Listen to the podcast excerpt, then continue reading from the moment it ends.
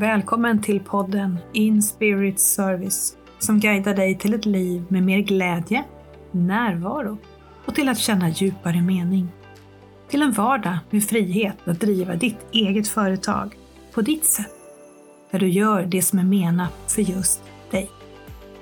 När du utgår från den du är innerst inne, det är då som magin skapas.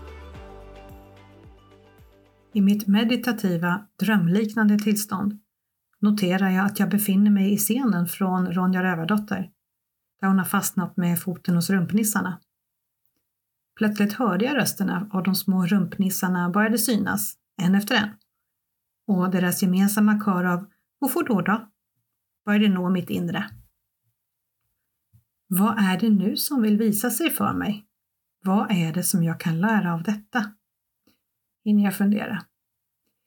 Och visa av tidigare erfarenheter så vet jag att budskapen från andligheten kommer på de mest varierande och ibland oväntade sätt. Så jag väntar tålmodigt på mer information. Och plötsligt landar budskapet i mig. Liknelsen med mina inre självsabotörer blir synlig för mitt inre. Häng kvar, jag ska förklara. Vi människor har ett gammalt överlevnadssystem kvar i oss som för eoner av tid sedan var det som höll oss vid liv. Ett system som såg till att vi fick stanna kvar i flocken, inte riskerade att bli utstötta, som såg till att vi fick mat och skydd samt att vi effektivt kunde hantera attacker från fienden. Nu, i den tid vi lever i, blir effekterna av det här systemet ibland mycket mindre positiva för oss. Det resulterar i att vi förminskar oss själva för att passa in att vi ignorerar våra egna behov i förmån för andras behov. Att vi faller i fällan att prata skit om andra, vi dömer, pekar finger. Främst för att slippa se att även vi har brister själva. Och vi känner nästan slut på oss själva i vår längtan efter att få kärlek utifrån. Det jag pratar om är det vi kallar vårt sinne, eller vårt ego hur vi är kopplade inuti för att möta livet. Och då främst de delar av sinnet som vi kan kalla självsabotörer.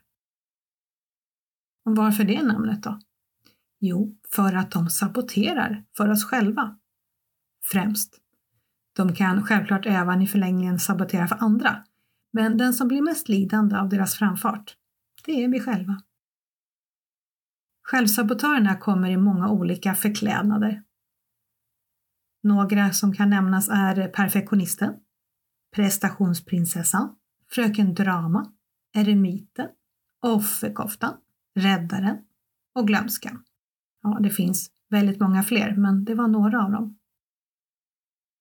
Så tillbaka till händelsen i min meditation, där jag hör rumpnissarnas och får mjukt leta sig in i mitt medvetande.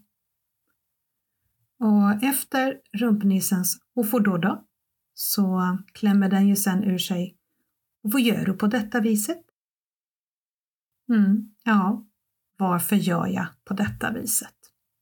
Jag inser att varje rumpnisse har en utvald självsabotör som den vill att jag ska syna. En självsabotör som jag bör bli medveten om, få låta komma till tals, läka såret i den och sen vända den till en självhjälpare istället. Här gäller det att koppla in självmedkänslan. Inget självsabotagearbete utan den. Med värme, kärlek och medkänsla börjar jag arbeta med mina självsabotörer en i taget utan att skapa ytterligare drama eller förstärka andra självsabotörer för den delen. Hur har du det med dina självsabotörer? Vilka är det som är mest aktiva hos dig? Och vad försöker de skydda dig ifrån? Jag tänkte att jag ska presentera några av de vanligaste självsabotörerna för dig och eh, vad som kan vara den bakomliggande orsaken till varför de gör som de gör. Och vi börjar med prestationsprinsessan. Allt handlar om att göra för henne. När du gör, presterar, utför och ständigt kämpar på så är du safe. Det är genom att göra som du får vara med, som du har värde och får tillhöra flocken. Hon skyddar dig effektivt från att stanna upp, känna in, vila och låta själen få komma till tals.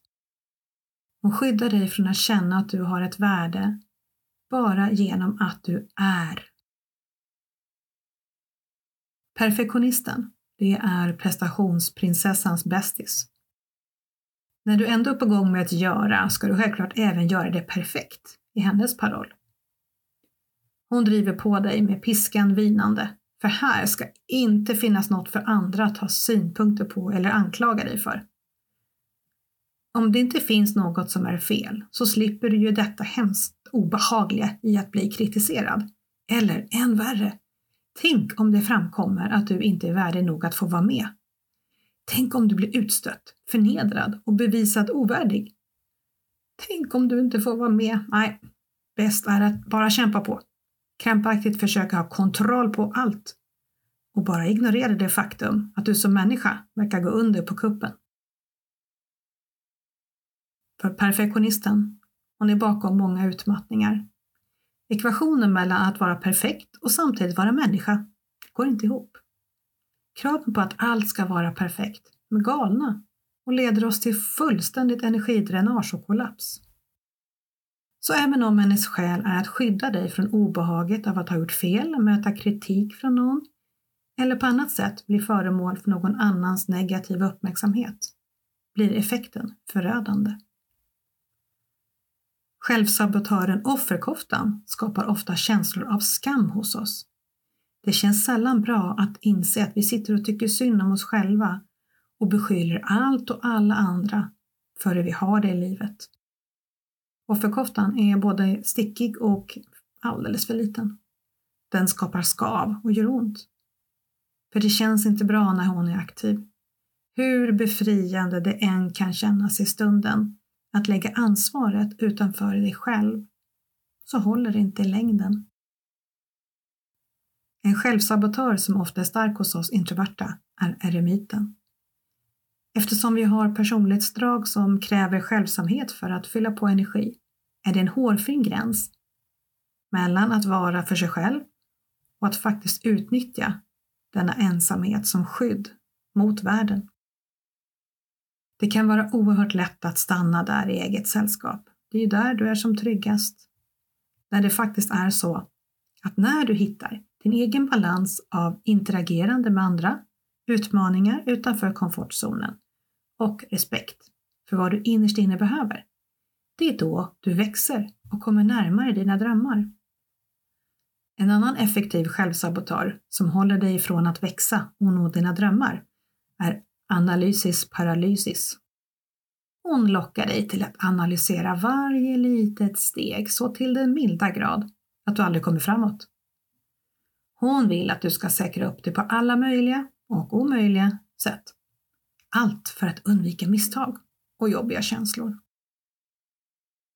Alla självsabotörer håller oss effektivt ifrån att fullt ut stå i vårt ljus och i vår fulla kraft. Från att följa själens längtan som leder oss till våra drömmar. Deras bakomliggande syfte är att hålla dig trygg, säker och utom räckhåll för jobbiga känslor. Men resultatet av deras framfart blir att vi hålls tillbaka från där vår själ önskar för oss att vi ska vara i livet. Men hur gör du då för att vända en självsabotör till en självhjälpare? Ja, det första steget är att identifiera själva självsabotören, att se den, att bli medveten. Sen handlar det om att låta den få komma till tals. Vad är det som driver den? Vad är det som den vill skydda dig ifrån? Det här kan vara lite klurigt, men ge dig tid och ha tålamod. Du kan antingen ta med den i en meditation och utan förväntan bara se vad som visar sig.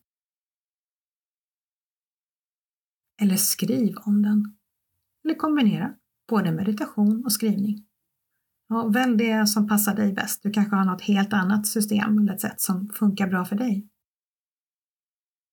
Men när du sedan blir medveten om syftet som den här självsabotören har kan du därifrån börja arbetet med att vända den till en självhjälpare.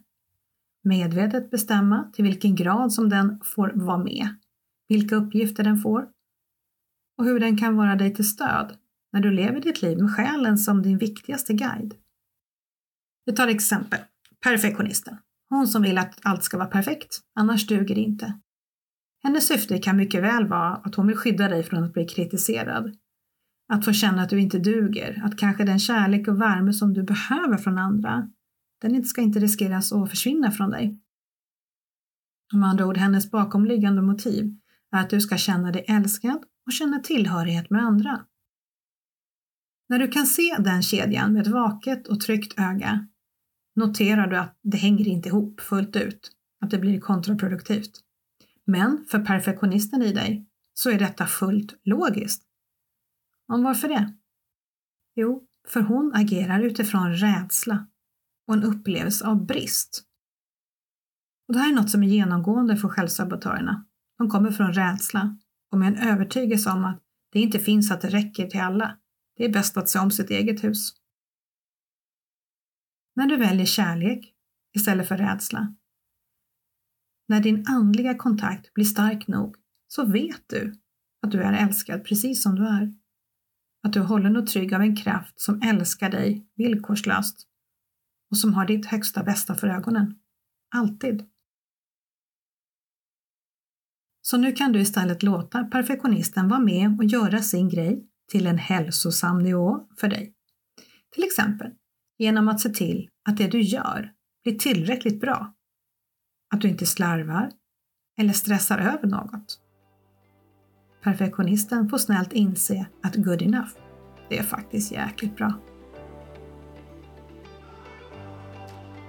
Tack för att du har lyssnat. Jag hoppas att du har fått med dig lite inspiration om hur du kan göra för att vända dina inre självsabotörer till att istället hjälpa dig på din väg mot dina drömmar. Om du uppskattar innehållet i den här podden, glöm inte att trycka på prenumerera-knappen så missar du inget kommande avsnitt. Jag önskar dig all lycka till med att syna dina självsabotörer så att din själ istället får bli den som guidar dig framåt.